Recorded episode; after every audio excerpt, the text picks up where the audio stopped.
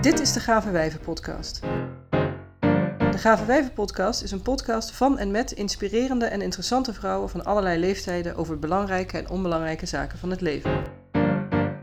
Dit is de eerste aflevering van het tweede seizoen van de Gave Wijven podcast. Deze week is mijn gast Elise van Zeeland. Die zal zichzelf zo meteen uitgebreid aan jullie gaan voorstellen. Welkom bij een nieuwe aflevering van de Gave Wijven podcast en een bijzonder welkom aan mijn gastin van vandaag, Elise. Elise, zou je jezelf even willen voorstellen? Ja, tuurlijk Susanna. Leuk dat je me hebt uitgenodigd voor je podcast.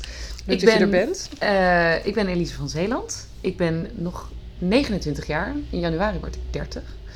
Ehm, ik woon samen in Den Haag met de liefde van mijn leven. En dat eh, ziet hij gelukkig ook zo, want volgend jaar eh, gaan we trouwen.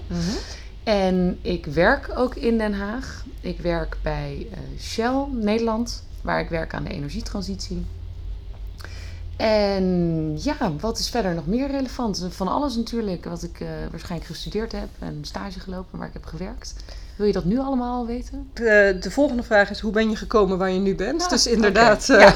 Nou, terecht. Ja. Ehm, nou ja, dat is op zich, er is wel een, een, een- een weggetje aan vooraf gegaan. Ik heb eh, in Leiden, waar we nu ook zijn, bestuurskunde gestudeerd. En ik heb daarna een, eh, eerst een master in Crisis and Security Management gedaan. Dus veiligheids- en terrorisme studies. En daarna heb ik een master in Londen gedaan over Global Health, Law and Governance. Dus mondiale gezondheidszorg, vraagstukken en uitbraken. Dat vind ik een machtig interessant onderwerp. En toen heb ik stage gelopen bij de Wereldgezondheidsorganisatie in Genève. En ehm, dat vond ik heel interessant, maar ik vond de organisatie ook heel bureaucratisch. En toen dacht ik, dat past nu niet bij mij in het leven. Toen heb ik in Nederland eh, mijn eerste baan gehad bij een, een public affairs kantoor. En toen kwam eigenlijk een vacature bij de D66 Tweede Kamer fractie langs. En die zag ik eh, op Twitter verschijnen. En toen dacht ik, laat ik daar eens op solliciteren. Ik had, eh, het was een categorie ik had vijf maanden werkervaring en de vacature vroeg om minimaal vijf jaar werkervaring. Maar ik dacht, wie niet waagt, wie niet wint. mhm. Dus ik probeer het gewoon. En toen bleek dat ik door mocht naar de volgende ronde. En dat ik door mocht naar de volgende ronde. En toen zeiden ze uiteindelijk van, nou, we willen je wel de baan aanbieden. Maar natuurlijk niet op het niveau van, van senior, maar gewoon op het niveau van beleidsmedewerker. Zei ik, nou, moet ik heel even over nadenken. Oké, dat wil ik wel heel graag doen. Want ik wilde natuurlijk heel graag voor D66 in de Tweede Ja, Kamer want je was werken. al lid van D66, hè? Zeker, was al lid Ja. van D66 en hier in Leiden tijdens mijn studietijd ook actief geweest. Daar Onder kennen wij elkaar dan ook weer van. Ja. Precies, en onder andere in het campagneteam en eh, met het verkiezingsprogramma toen eh, meegewerkt.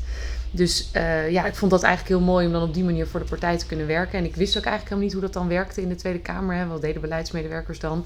Ja, hoe kom je daarachter? Door het zelf mee te maken. Dus heb ik daar eerst een tijd gewerkt en nu werk ik een half jaar eh, niet meer daar en werk ik voor Shell. Ja. Je hebt bij, terwijl je bij D66 werkte, heb je ook echt wel veel verschillende dingen gedaan. Hè? Je bent Ja. eh, dus inderdaad daar begonnen. Klopt, ik ben eerst begonnen als beleidsmedewerker zorg. En toen werkte ik veel voor eh, Pia Dijkstra en Vera Bergkamp, twee Kamerleden voor D66 die zich vooral met de zorg bezighouden. En ehm, toen ben ik op een gegeven moment senior beleidsmedewerker geworden. En daarna ben ik politiek adviseur geworden van Alexander Pechtold, die daar toen nog zat. En een hele interessante periode natuurlijk meegemaakt, omdat D66 op dat moment van oppositie naar coalitiepartij ging. We zaten in de formatieperiode. Ja, het is natuurlijk heel hectisch achter de schermen. Alles moet goed voorbereid worden. Er moeten hele mappen mee met de onderhandelaars, met alle, nou ja, alle juiste informatie, alle informatie die ze mogelijk nodig kunnen hebben op zo'n dag. En toen uiteindelijk in de coalitie eh, heel uniek om mee te maken, achter de schermen meegeholpen aan het voorbereiden van het vertrek van Alexander Pechtold uit de politiek. En toen Rob Jette helpen op, opstarten als het ware. Ehm, wat hij natuurlijk vooral zelf gedaan heeft. Maar ja, achter de schermen kan je iemand natuurlijk altijd wel een beetje ondersteunen. En toen dacht ik op een gegeven moment wel van ja, ik vind het heel erg mooi. En ik zou ook iedereen aanraden die twijfelt over zo'n baan in de politiek om dat te doen. Het is echt de kans om te leren wat gebeurt daar nou, wat, wat speelt daar nou, Ehm, hoe, eh, hoe werkt het echt ten opzichte van wat we in de krant lezen. Dat leer je eigenlijk alleen maar als je er echt op die manier rondloopt. Dus eh, luister je de podcast en je twijfelt erover, doe het vooral. Ehm, maar ik, ik dacht ook op een gegeven moment van ja, ik wil ook wel iets anders nog leren. Eh, ik ben 29, eh, wat is er buiten de politiek gaande? En toen eh, dacht ik, ik wil dan wel graag bij een bedrijf werken waar het ook een beetje schuurt, waar de uitdaging zit. Maar ik wil wel graag werken aan een thema dat echt bezig is met, met de toekomst, zeg maar. Ja. en dat, dat is iets wat ik nu elke dag doe. En dat vind ik, het is heel uniek omdat je ziet hoe het bedrijfsleven werkt. Wat nou, heel, heel waardevol is. Maar je werkt wel echt met heel veel mensen aan de toekomst dag in dag uit. Want ik ben bij Shell Government Relations Advisor, zoals dat dan heet. Maar als je dat eigenlijk helemaal plat slaat, dan komt het er ook op neer dat je... Je hebt allemaal afdelingen binnen Shell en die heten dan de business. En dat ik de business adviseer van, met bestuurlijk en politiek advies. Dus ja, je bent dan echt bezig met een outside-in blik. Er zitten heel veel slimme techneuten die keihard werken dag in dag uit aan bijvoorbeeld windmogelijkheden of zonmogelijkheden binnen Nederland. Maar het is ook goed als die af en toe weten van wat speelt er nou eigenlijk in de politiek? Worden er moties ingediend? Wat betekent dat dan? Zijn er debatten? Wat betekent dat dan? Hoe werkt dat dan? Wat voor impact heeft dat op de hele business case? Dus ik doe nu totaal iets anders. Ja. Maar wel ook, uh, ik vind het ook echt heel erg leuk. Ja, om te en, doen. en zoals je het nu vertelt, is het ook echt wel een.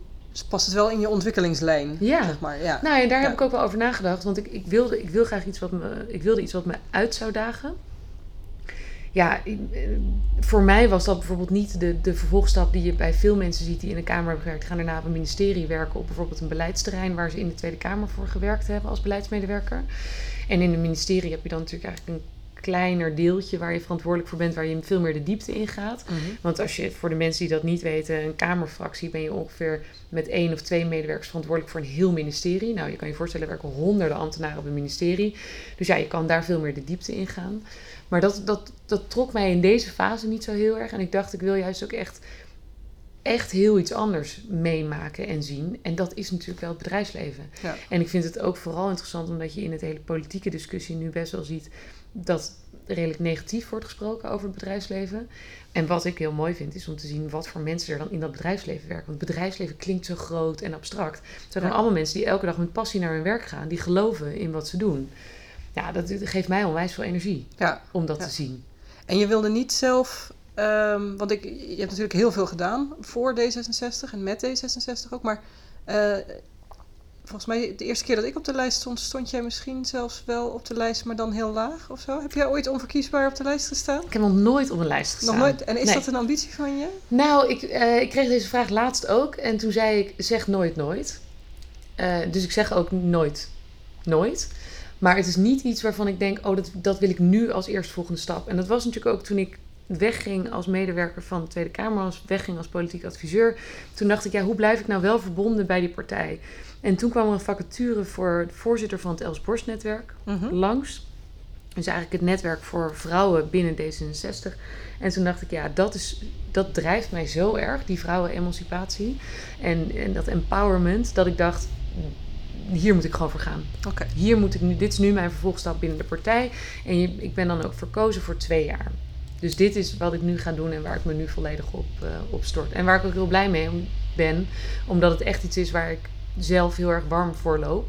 En dat ik het mooi vind om op die manier een bijdrage te leveren aan de partij en de ontwikkeling van dat netwerk. Ja, ja we, we- we horen natuurlijk veel over eh, dat we misschien een vrouwelijke lijsttrekker moeten hebben. Of Zeker. een vrouwelijke premier. eh, en dat die zouden we natuurlijk het liefste zelf eh, Ja. aanleveren. Ja. Is dat ook iets waar je vindt dat D66 nu ook echt klaar voor is? Ja, absoluut. We- Weet je, kijk, als je kijkt naar andere partijen, geen enkele andere partij zit in de situatie waar wij in zitten. We hebben namelijk fantastische vrouwen in het kabinet, die het ook allemaal zouden kunnen. We krijgen de mogelijkheid voor een nieuwe lijsttrekker. En andere partijen zitten gewoon klem. Bij GroenLinks is het gewoon Jesse Klaver. Bij de PvdA is het gewoon Ascher. Bij de VVD is het Rutte. Nou, mocht Rutte het niet doen, dan wordt het Dijkhoff. Dus wij zijn de partij waar ook mogelijk een vrouw zich aan zou kunnen bieden. Ik bedoel, ik ben niet van het eh, gedwongen leiderschap. Je bent een vrouw, dus je moet het doen. Mhm. Nee. Maar de mogelijkheid is er denk ik wel. Ja. En ik, ik weet niet of je dat gezien hebt. Er was laatst een peiling van één vandaag waarin ze gekeken hebben wie ziet Nederland nu als de vrouwelijke, mogelijk vrouwelijke premier. Er werden drie namen genoemd. Eén was Ariep van de PvdA, nu Kamervoorzitter. De ander was Sigrid Kaag, onze minister. En Kajsa Ollongren, ook onze minister. Ja. En toen dacht ik, dan zijn we wel lekker bezig met Ja, deze. dat is wel heel goed, ja. Dan Ja. eh, spelen we ons goed in de... Ja, en blijkbaar zien andere mensen het dus ook. Ja, Dus daar word ik wel, eh, ook als voorzitter van het Els netwerk, maar ook gewoon als Elise, word ik wel heel enthousiast van. dat is wel mooi. Ja. Hey, en, eh, en toen je politiek adviseur was van, vooral van Alexander Pechtold... en misschien ook wel aan het begin van, van eh, ja. had jij het... Want er zijn natuurlijk ook... Ja, je hebt dan natuurlijk ook wel eh, vervelende dingen met de media. Ik weet dat in het begin eh, was Rob niet... eh, super populair. Dat ze hem een beetje robotisch vonden. En Ja. je hebt de story gehaald eh, ja, toen Ja. tijdens de Ja. Alexander Pechtold drama's. waren dat. Ja. Echt, Ja, gelijk je LinkedIn geüpdate natuurlijk. Dat kan Ja, ik me voorstellen.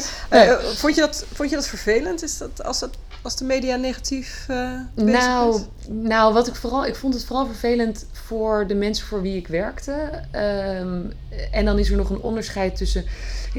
Laat ik het zo zeggen. Bij Alexander werd er bijvoorbeeld geschreven over privézaken waarvan mensen helemaal niet wisten hoe het zat. Ja, daar vind ik iets van, want waarom schrijven mensen daarover, zeg maar.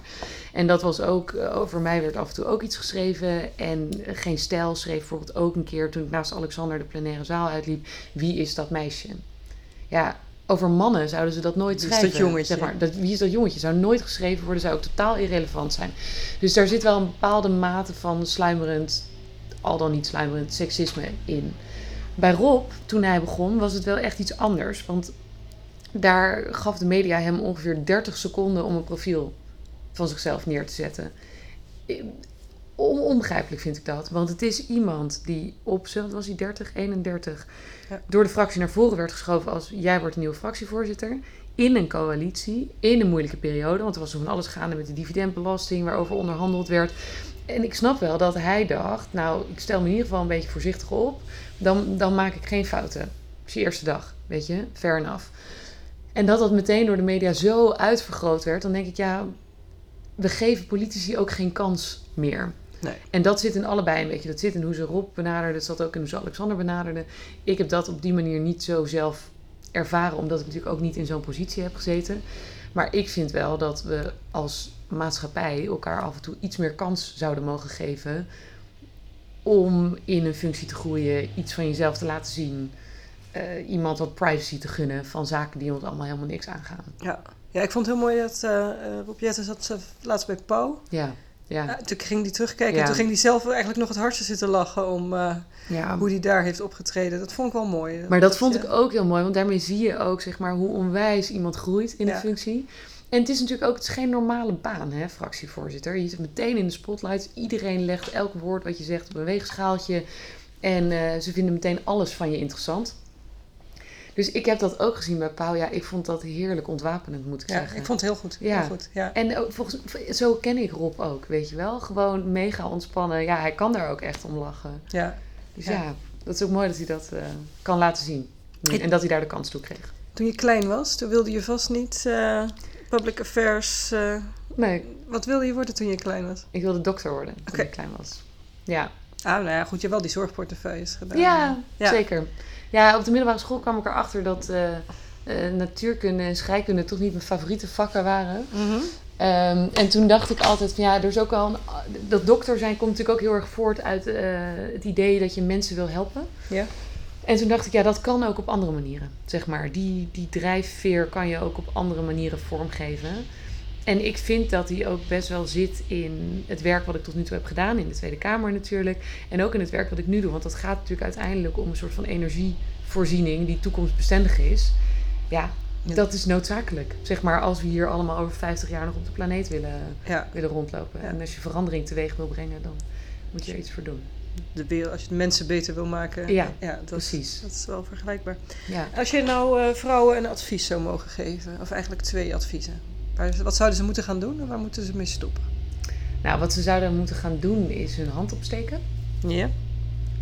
En eh, dat, dat is nog iets breder, want ze moeten hun hand opsteken, maar ook elkaar enthousiasmeren en motiveren om je hand op te steken. Dus we zouden best wat vaker tegen elkaar mogen zeggen: Hey, heb jij die vacature al gezien? Is dat niet wat voor jou? Hey, heb je die opening gezien? Is dat niet wat voor jou? Ik denk dat je dat kan. Heb je daar al wel eens aan gedacht? Mhm. Dat doen we eigenlijk te weinig. En ik ben er zelf mee begonnen en ik merk dat het, je, je plant een zaadje bij iemand. En dat is zo, zo waardevol als wij dat met elkaar kunnen doen. En dat is volgens mij ook een heel groot deel van de emancipatie die we nog voor elkaar moeten krijgen. Dat we elkaar veel meer verder helpen. Ja. En waar we mee moeten stoppen is eigenlijk dat we moeten stoppen met ehm, wat je nog te veel hoort, dat vrouwen elkaar dwarsbomen. Dat ze elkaar te veel als concurrenten zien in plaats van als aanvulling op elkaar. En dat, eh, als ik één ding zou, zou wensen, dan is het dat wel. Dat we Ja. daarmee stoppen. Ja, ik hoorde laatst, toen zei iemand dat dat een generatiedingetje is en dat het vanzelf overgaat. Ja? Dat dwarsbomen, ja, er was dan de gedachte dat de vrouwen die elkaar dwarsbomen, dat, tenminste, ja, dat, dat maak jij misschien, weet jij misschien meer van, maar dat, dat dat meestal vrouwen zijn, zeg maar, van mijn leeftijd en ouder.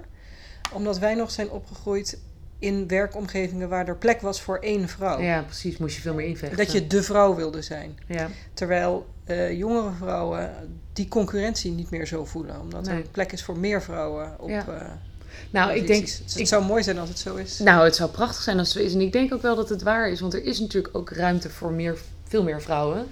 Maar ik denk dat het toch nog... Ik, ik bedoel, ik hoop echt dat het een generatieding is. Maar toch zie je het af en toe nog gebeuren. En dat is ook een van de redenen waarom ik eh, zelf een platform heb opgericht. Genaamd ECRC. Ehm, omdat ik er heel erg in geloof dat we elkaar moeten empoweren als vrouwen. En dat is er een platform waarin jonge vrouwelijke professionals elkaar treffen. En ook met elkaar bespreken waar loop jij nou tegenaan op de werkvloer. En dat zijn dingen die je niet per se op de werkvloer wil bespreken. Want op de werkvloer zijn het soms ook je, je conculega's, zeg maar. Dus je concurrerende concu- collega's. Maar je wil wel met iemand kunnen bespreken waar loop ik nou tegenaan. Had ik dat anders moeten doen? Of dat je gewoon zegt, ik heb dat echt heel dom aangepakt. Heb je een tip voor me hoe ik dit anders had moeten doen? Ja. En ik heb het idee dat het in ieder geval bij ECRC heel goed werkt. Vrouwen weten elkaar heel goed te vinden en helpen elkaar echt verder. En daar gebeurt ook dat iemand zegt: hey, daar is een vacature, heb je dat al gezien?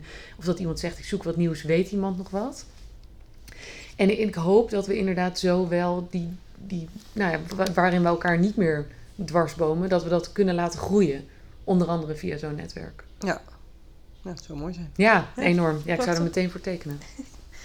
En ehm, als je jezelf nou advies zou mogen geven, de Elise van 15 jaar geleden, dus die was toen nog net geen 15.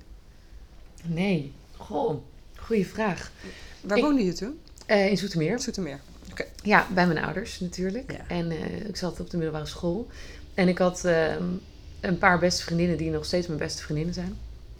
Waar we vanavond heen gaan. Eén wordt als eerste van het groepje 30. Ja, Eh, maar ik denk dat ik als advies aan mezelf zou geven. ehm, wat ik ook denk ik wel doe: van je moet er hard voor werken. Het is ook zo, maar door hard werken val je ook op. En dat is natuurlijk, als je 15 bent, eh, ben je ook wel een puber. En ben je natuurlijk niet over alles heel erg zeker. En weet je niet zo goed hoe je alles aan moet pakken. Mhm. En daar zou ik dus wel tegen willen zeggen van ja, weet je, het, het komt wel, het komt wel goed, het komt wel op zijn pootjes terecht. Ook als je gewoon lekker jezelf bent. Dat zien, mensen zien het wel. En wat Ja. hoop je dat je over 15 jaar nog weet? Nou, ik hoop dat ik over 15 jaar tegen mezelf zeg, eh joh Elise, lekker gedaan. Lekker bezig. Lekker Zeg maar, bezig. Lekker bezig. En het is niet zo dat ik weet wat ik over 15 jaar doe. Maar ehm, ik probeer wel elke keer dingen te doen waar ik zelf enthousiast van word. En waar ik zelf achter sta. En waar ik zelf blij van word. En waar ik zelf het idee heb dat ik echt iets toevoeg. En als ik dat over 15 jaar nog doe, dan, ehm, nou, dan zou ik daar best wel trots op zijn. Oké, heel mooi. We hebben het net ook even over social media gehad. Ben je zelf actief op social media? Ja, ja ik ben eh, eh, actief op Instagram. Mhm. op een afgeschermd eh, account. En ik heb nog Facebook, maar ik heb eigenlijk van de week besloten dat ik daarmee wil stoppen. En dat ik gewoon, de, zoals veel mensen nu aan het doen de verjaardagskalender weer op ga hangen. Want dat is eigenlijk het enige waarvoor ik het nog gebruik. Ga je dan je account deactiveren? Ja. Of, Ja, Ja. omdat ik eigenlijk ook merk dat ik er niks mee doe. Ik ben, de Instagram vind ik echt heel leuk. Ik zie natuurlijk allemaal foto's van mensen. Het spreekt me heel erg aan.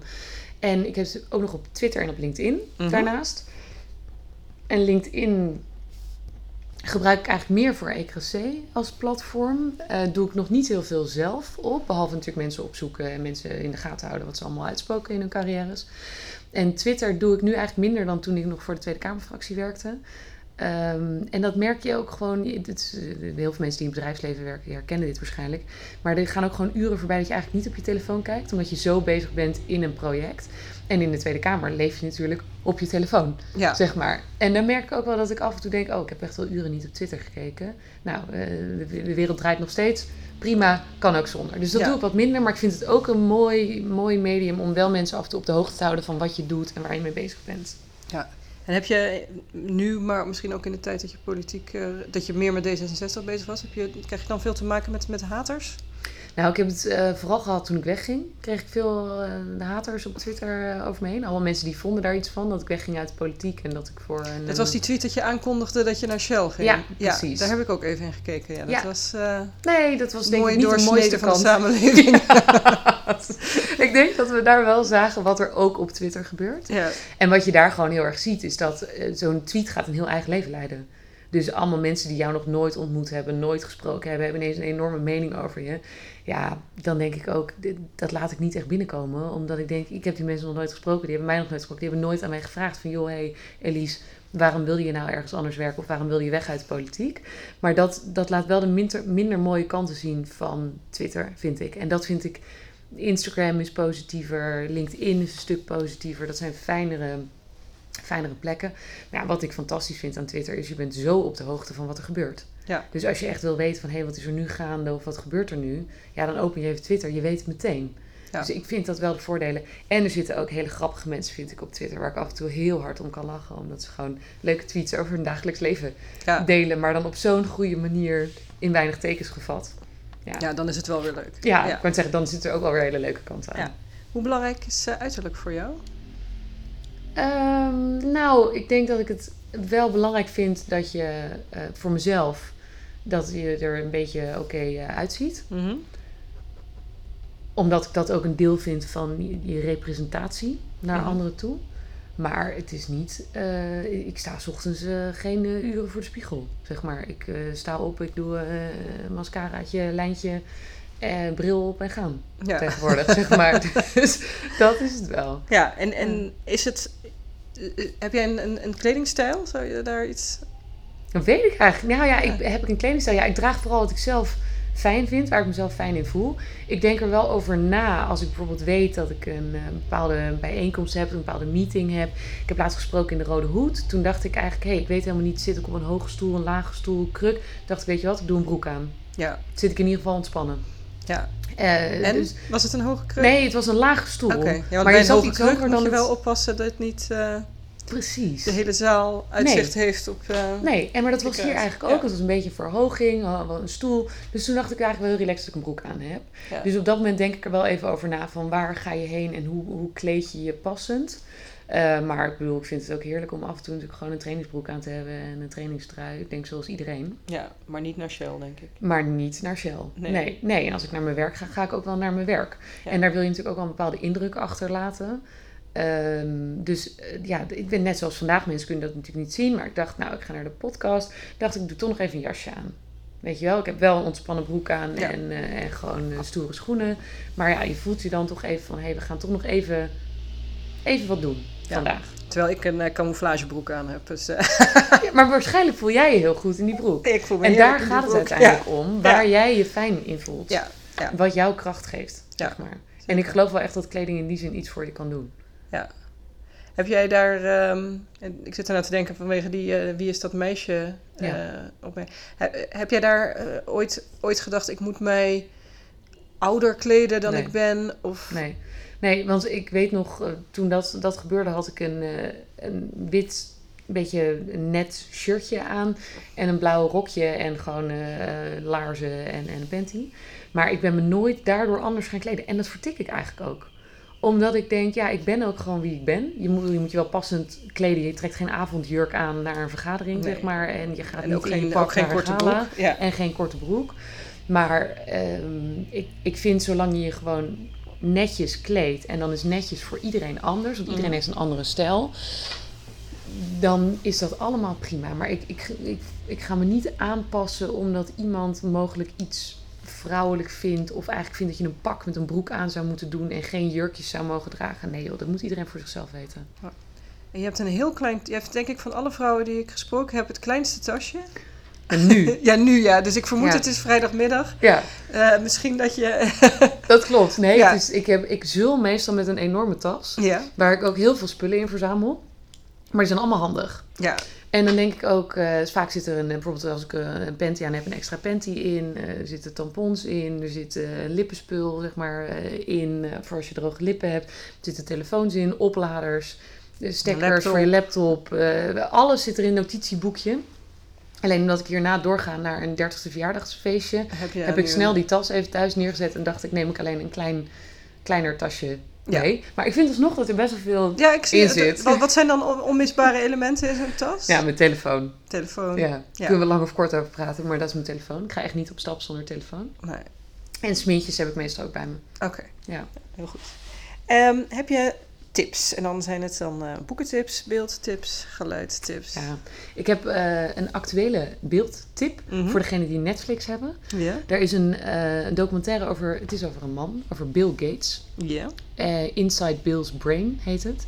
En die zou ik echt enorm aan willen raden. Ik ben er zelf nog in bezig, maar ik ben sowieso gefascineerd natuurlijk door hoe die man zijn brein werkt. Ja. Maar ik heb eigenlijk nog veel meer bewondering voor de foundation die zij hebben opgezet. En die kent niet iedereen, maar de Bill en Melinda Gates Foundation. Melinda Gates heeft ook een heel mooi boek geschreven, The Moment of Lift. Heb ik deze zomer gelezen. Dus als je nou die documentaire over Bill kijkt, lees dan ook het boek van Melinda, zou ik zeggen. Ehm, haar boek gaat heel erg over hoe we als vrouwen elkaar kunnen versterken. En in de documentaire gaat het heel erg over hoe Bill's brein werkt. Maar dat illustreren ze eigenlijk aan de hand van het werk wat ze doen voor die foundation. En die gaat eigenlijk over gezondheidszorg over de hele wereld beschikbaar maken. Fascinerend, prachtig. En er zit ook nog een hele waardevolle tip in. Want voor zo'n nou ja, invloedrijke man zegt hij één week per jaar... Ik heb een, een think week, een denkweek. Ja. Hij sluit zich op in een huisje met allemaal boeken en papieren en blikjes Cola Light. En dan gaat hij gewoon lezen, denken, laat zijn brein zijn werk doen. En eigenlijk doen wij dat natuurlijk veel te weinig. Wij Ja. hebben een vol leven, het gaat alleen maar door, van hot naar her, de hele tijd meer, meer, meer, meer, meer. En dan denk ik, als zo iemand ook zo'n week in kan lassen, dan kunnen wij dat eigenlijk Ja. ook. Hoeft geen week te zijn, mag ook een dag zijn of een weekend. Maar ik vind het in ieder geval een hele inspirerende documentaire. Oh, mooi. mooi. Ja. Je hebt al een boekentip gegeven, Ja. maar misschien heb je er nog wel één. Ehm, nou, sowieso, sowieso dit boek. Het is echt, ik las het van de zomervakantie en ik wilde er de hele tijd over praten tegen mijn vriend met wie ik op vakantie was. Die ook zelf een boek probeerde te lezen. Eh, omdat ik er zo enthousiast van werd. Er zitten zoveel voorbeelden in. Heel inspirerend. Wat ik ook ehm, heel mooi vind, zij, is het boek bijvoorbeeld van Sheryl Sandberg. Zij is de CEO van eh, Facebook. Zij heeft een boek Lean In geschreven. Dat, is, eh, dat kennen veel mensen omdat zij natuurlijk daarna ook Lean In netwerk heeft opgezet. Waarin ze ook heel erg op vrouwen empowerment focust. Maar ze heeft ook Plan B geschreven. En dat gaat eigenlijk over hoe ze haar man onverwachts verliest. En daarin is ze heel openhartig over dat verlies, hoe onverwachts dat kwam en hoe je daarna weer opkrabbelt. Dus als mensen op zoek zijn naar een boek hoe bijvoorbeeld om te gaan met verlies, of gewoon heel benieuwd zijn naar een inkijkje in zo iemands leven, vond ik dat zij dat heel krachtig heeft opgeschreven. Oh, mooi. En ik heb recent het boek, oh, het is een nieuw boek, je moet me niet naar de auteur vragen, maar over Sim- Simone de Beauvoir gekocht. Ja. Eh, en dat is weer een, een soort van boek over haar leven en hoe we haar nu zouden kunnen zien. Zij is natuurlijk beroemd van The Second Sex, heel dik feministisch boek. En nu schrijft iemand weer over haar, dus die is het volgende boek. Dat is het volgende boek wat ik ga lezen. Ik zal de titel even, Ja, de titel en schrijver even opsnorren. Ja. Dat komt helemaal goed. straks ik even- ik stuur je zo even een foto. Dat is goed. Ja. En eh, als je muziek luistert, wat luister je dan graag? Heel wisselend. Ja. Ik dacht al deze vraag komt. Vroeger luisterde ik altijd naar Celine Dion. En ik Ah. vind haar ook echt Ga je er ook heen? Fantastisch. Nou, ik ben vorige keer geweest toen ze in Nederland was. Dus deze keer heb ik geen kaartjes. Maar de vorige keer ben ik er geweest. Het duurde wel even voordat ik iemand gevonden had die met me mee wilde. Dat zal ik niet ontkennen. Maar eh, ja, ik vind dat echt fantastisch. Maar verder heb ik ook een hele brede smaak. Top 40 vind ik heerlijk. Nederlandstalig vind ik ook heerlijk. Ik bedoel, naar de toppers ga ik één keer per jaar. Kan ik echt enorm van genieten. Ehm, en ehm apres-ski, weet je, als we aan het skiën zijn, vind ik ook echt fantastisch. Maar een goed klassiek stuk kan je me ook echt in het weekend heel erg blij mee maken. Dus dat is echt, het is heel divers eigenlijk. Maar als ik één moet noemen, dan noem ik toch Celine. Goed zo. Ja. Je moet altijd trouw blijven aan, eh, Zeker, zeker. aan de eerste. Ja. En, en wat is je motto? Mijn motto is, ik heb het nog nooit gedaan, dus ik denk dat ik het wel kan, van Pippi Lankhuis. Heel goed. En dat probeer ik ook zelf toe te passen. Pas ik ook zelf toe. Maar ik probeer ook anderen dat toe te laten passen. Omdat het gewoon, het is een fantastisch motto. En wij vrouwen zouden het echt wat vaker moeten doen. Ja. We denken te vaak, kan ik het wel? Voldoe ik wel aan alle eisen in de vacature? En je moet gewoon denken, ik heb er een paar. Ik wil dit. Ik ga ervoor. Ik heb het nog nooit gedaan. Dus ik, denk, dat ik het wel kan. Ja, ja dat, is, dat, dat is geloof ik de basishouding van de man, hè? Ja, dat, eh, ja, is precies. goed. Ga ik Ja. wel doen. Ja. Precies. En die denken bij de helft van de vacature, als ze eraan voldoen, hé, hey, dat kan ik, die baan. En het is gewoon wetenschappelijk onderzocht. Vrouwen willen aan bijna alles voldoen en dan pas solliciteren ze erop. Ja, dat zouden we eigenlijk gewoon niet meer moeten doen. Nee, Want zo worden die vacatureteksten ook niet geschreven. nee. Terwijl, dat is natuurlijk hoe jij het destijds ook niet hebt aangepakt. Precies. Maar gewoon gedacht, Ja. ga het gewoon lekker doen. Ja, dus Nou, ik hoop dat meer vrouwen dat gaan doen. Let op, dames. Ja, Volg het motto van Elise. Dankjewel voor eh, je uitgebreide verhaal. graag gedaan. Tot zover deze aflevering van de Gave Wijven podcast. Ik wil Elise graag bedanken voor haar uitgebreide verhaal. En meer informatie over Elise kun je vinden in de show notes. En volgende week verschijnt er zeker weer een nieuwe aflevering. Als je je abonneert op deze podcast, krijg je vanzelf een melding dat hij er is. Oh, en als je toch bezig bent, positieve reviews worden zeer gewaardeerd. Tot de volgende podcast.